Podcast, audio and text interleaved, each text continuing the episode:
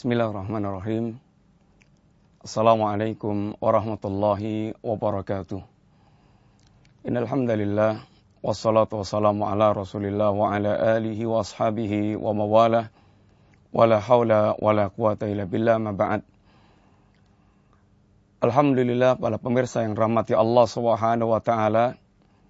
Kembali kita melanjutkan kajian silsilah akidah kita.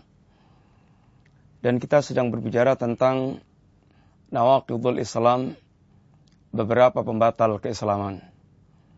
Dan telah kita sampaikan bahwa di sana ada sepuluh pembatal keislaman.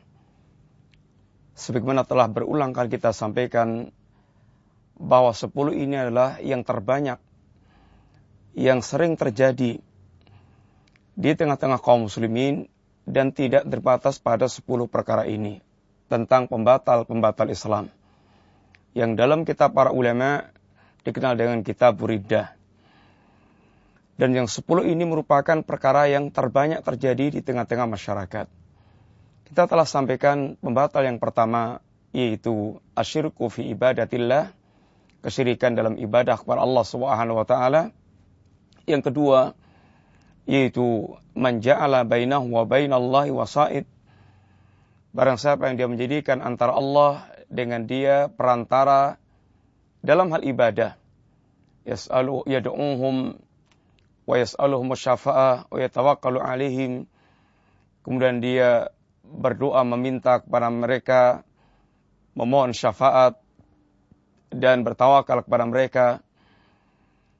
Yang ketiga, malam yukafiril musyrikin aw syakka fi kufrihim aw sahaha mathabahum Barang siapa yang dia meragukan, barang siapa yang dia tidak mengkafirkan orang-orang musyrik kafir, atau ragu tentang kekafiran mereka, atau dia bahkan membenarkan madhab, aliran, pemikiran mereka, ini adalah merupakan kekafiran. Pembatal keislaman. Dan yang keempat, mani'taqada anna hadya ghairi Muhammadin sallallahu alaihi wasallam akmal min hadihi wa anna hukma ghairihi ahsan min hukmi. Orang yang berkeyakinan bahwa ada petunjuk yang lebih sempurna dan ada hukum yang lebih baik dibandingkan dengan petunjuk dan hukum Rasulullah sallallahu alaihi wasallam. Dan ini yang telah kita bahas pada pertemuan kali yang terakhir. Dan sesungguhnya pada pembahasan yang keempat ini, maka Allah Subhanahu wa taala pun mengeluarkan tantangan kepada siapa pun yang mereka ragu terhadap kesempurnaan dan kebaikan dari petunjuk dan hukum Allah Subhanahu wa taala yang diajarkan Rasulullah sallallahu alaihi wasallam. Bagaimana meragukan petunjuk Allah Sedangkan Allah yang mengeluarkan, yang menurunkan petunjuknya. Dan Allah adalah Al-Khaliq. Dan bagaimana ada hukum yang lebih baik dibandingkan hukum Allah Subhanahu wa taala yang diajarkan Rasulnya SAW kepada kita. Sedangkan Allah yang lebih tahu segala-galanya tentang para makhluknya. Maka sungguh ini sebuah penentangan yang sangat besar terhadap Allah Subhanahu wa taala. Allah tantang waman ahsanu hukman liqaumi yuqinun. Apakah memang ada hukum yang lebih baik dibandingkan dengan hukum Allah Subhanahu wa taala bagi orang yang mereka yakin? Para pemirsa yang dirahmati Allah Subhanahu wa taala, Coba perhatikan bagaimana Allah Subhanahu wa taala berani mengeluarkan tantangan demikian artinya Allah menjamin bahwa tidak akan pernah ada yang sanggup untuk bisa menandingi atau menyambut tantangan Allah sebagaimana tidak sanggupnya orang menyambut tantangan Allah untuk membuat yang semisal dengan Al-Qur'anul Karim atau bahkan kurang daripada Al-Quran atau tidak keseluruhan daripada Al-Quran untuk membuat yang sebagian saja dari Al-Quran. Para pemirsa, di antara keindahan dan sekaligus kesempurnaan hukum Islam adalah Islam diturunkan Allah untuk melindungi hak-hak manusia yang sangat asasi. Yang dikenal dengan Al-Daruriyatul Hams. Yaitu perkara daruri yang lima. Di mana kedatangan Islam untuk melindungi dalam rangka untuk menjaga ad-din. Ini menjaga agama. Hibduddin. Dalam rangka untuk menjaga akal manusia. Hibdul akal. Dalam rangka untuk menjaga harta manusia. Hibdul mal dalam rangka untuk menjaga keturunan manusia, hibdun nasl, dan dalam rangka untuk menjaga yakni kehormatan seorang atau untuk menjaga jiwa manusia ini hibdun nafas ini perkara yang sangat prinsip dalam kehidupan manusia dan Islam sangat melindungi yang lima ini dengan pelindungan yang sempurna. Islam datang untuk menjaga agama. Maka Allah memerintahkan kepada para hamba agar mereka mempelajari agama, mengamalkan agama, mendakwakan agama, kemudian ya ini berjihad mempertahankan agama, kemudian menghadapi atau menerapkan hukum kisos atau menerapkan ini hukum terhadap orang murtadin untuk ini hukum bunuh hingga mereka tidak mempermainkan agama Allah Subhanahu wa taala. Ini penjagaan terhadap agama. Dan demikian pula bersama dengan itu Islam mengajarkan adanya ini tasamuh, toleransi, Lakum dinukum waliyadin. Agama anda untuk anda. Agamaku untuk ada, ada untukku.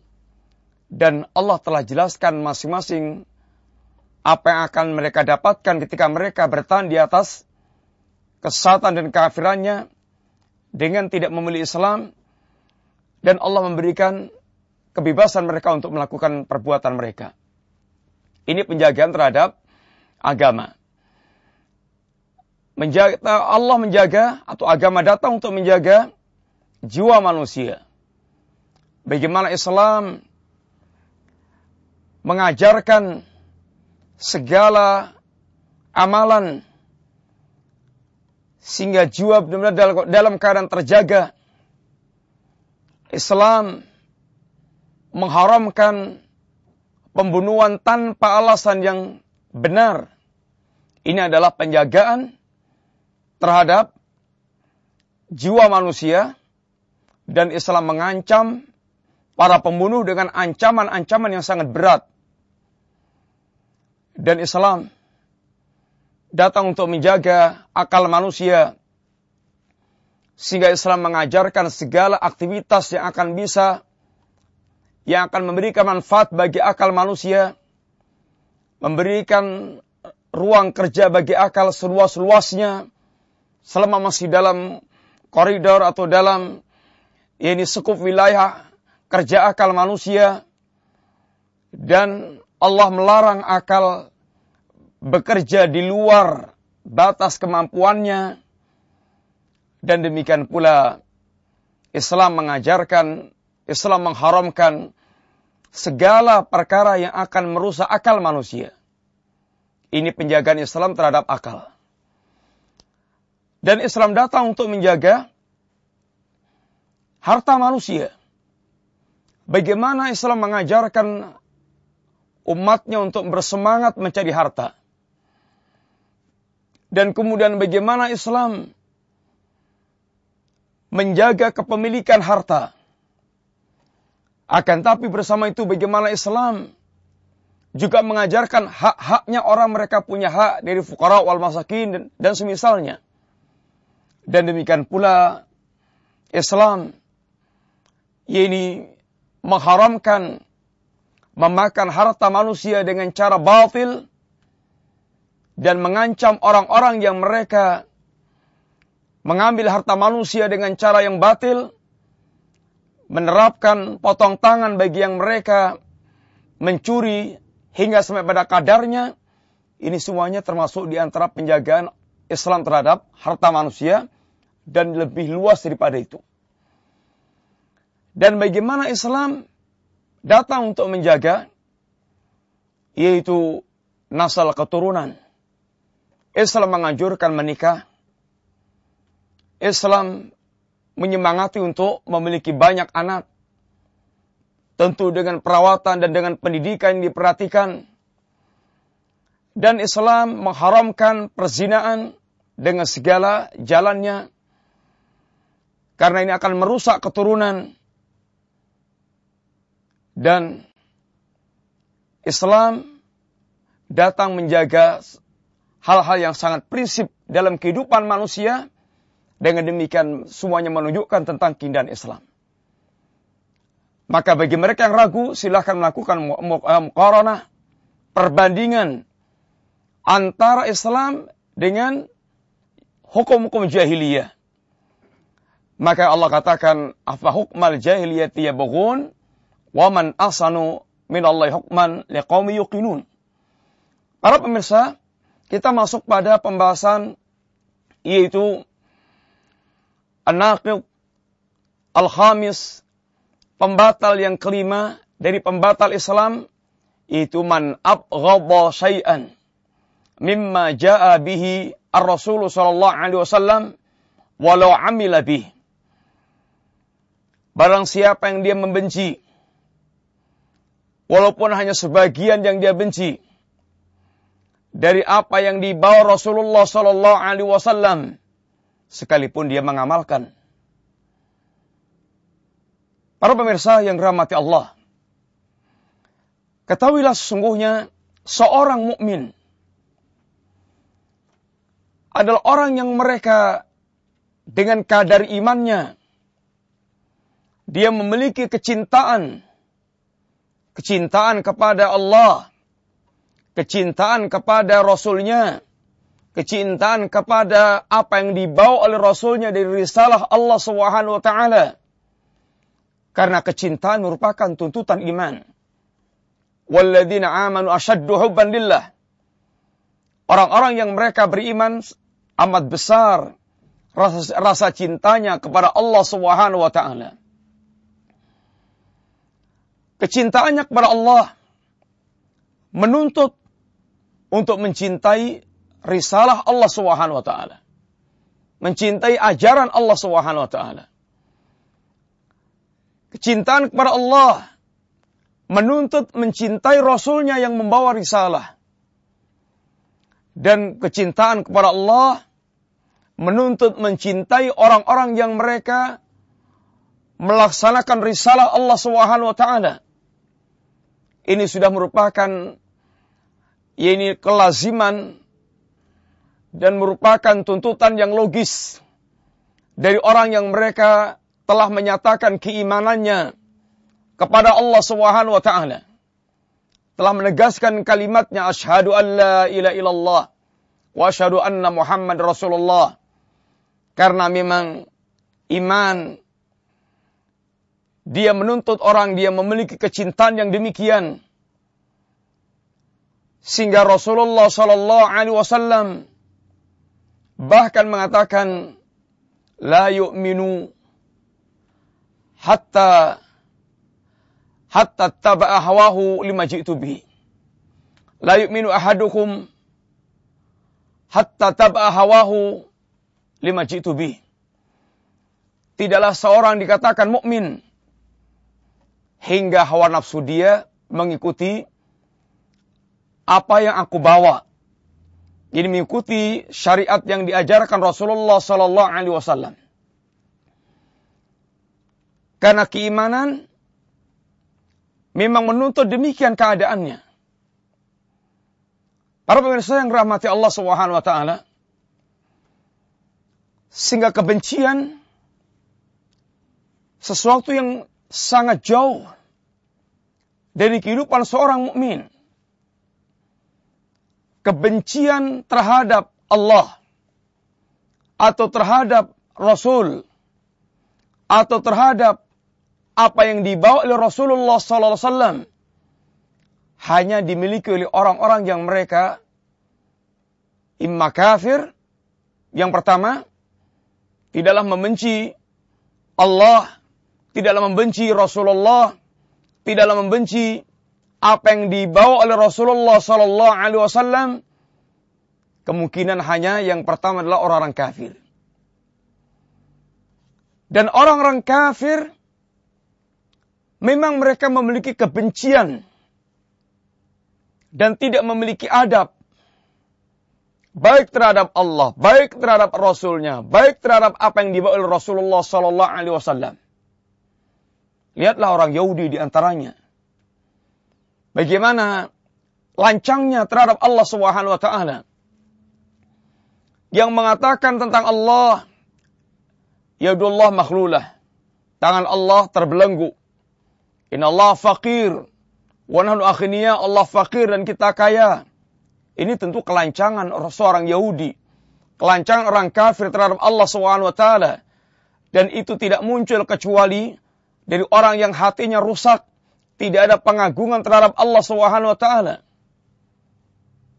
Demikian pula kebencian kepada Rasulullah SAW.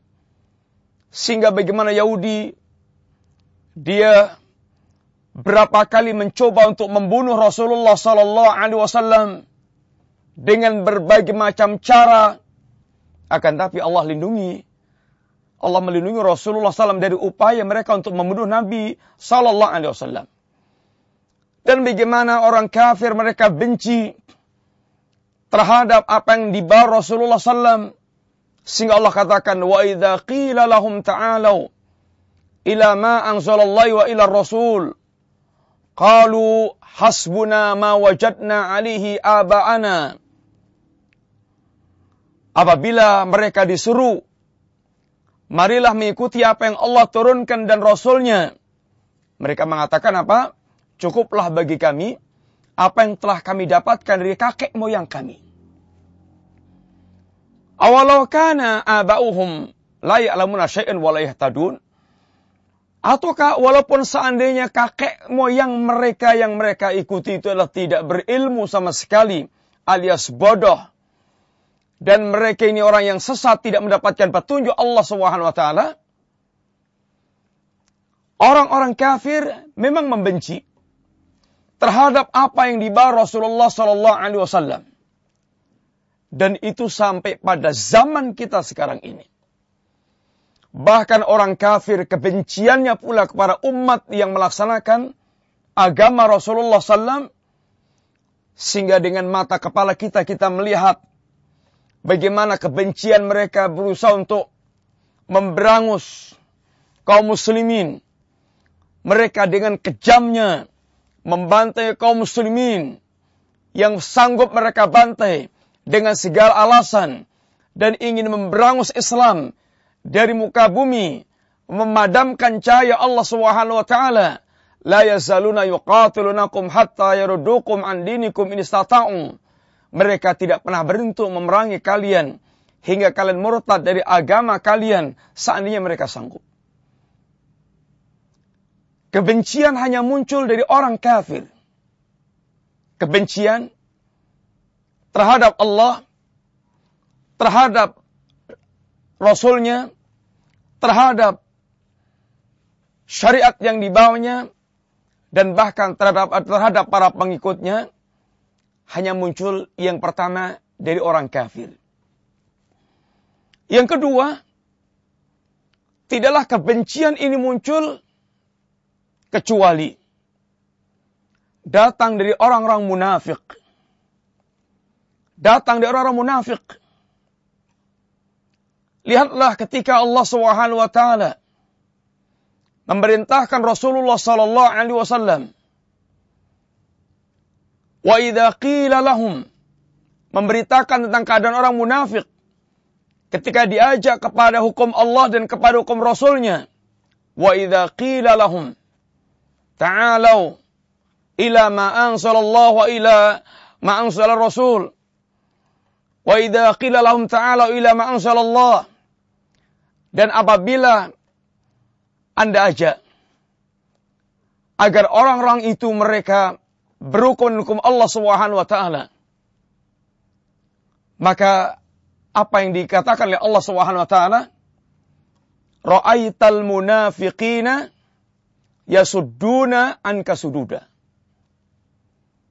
Ra'aital munafiqina yasudduna anka sududa.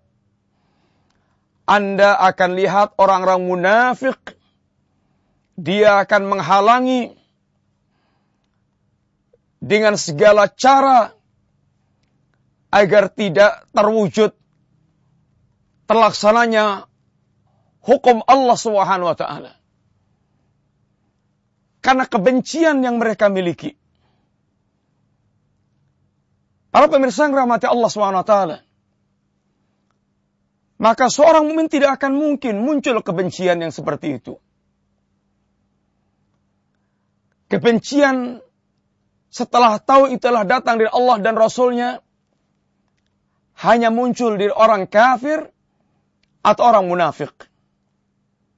Mudah-mudahan Allah menyelamatkan kita dari kebencian yang demikian. Kita cukup sekian dulu. Wassalamualaikum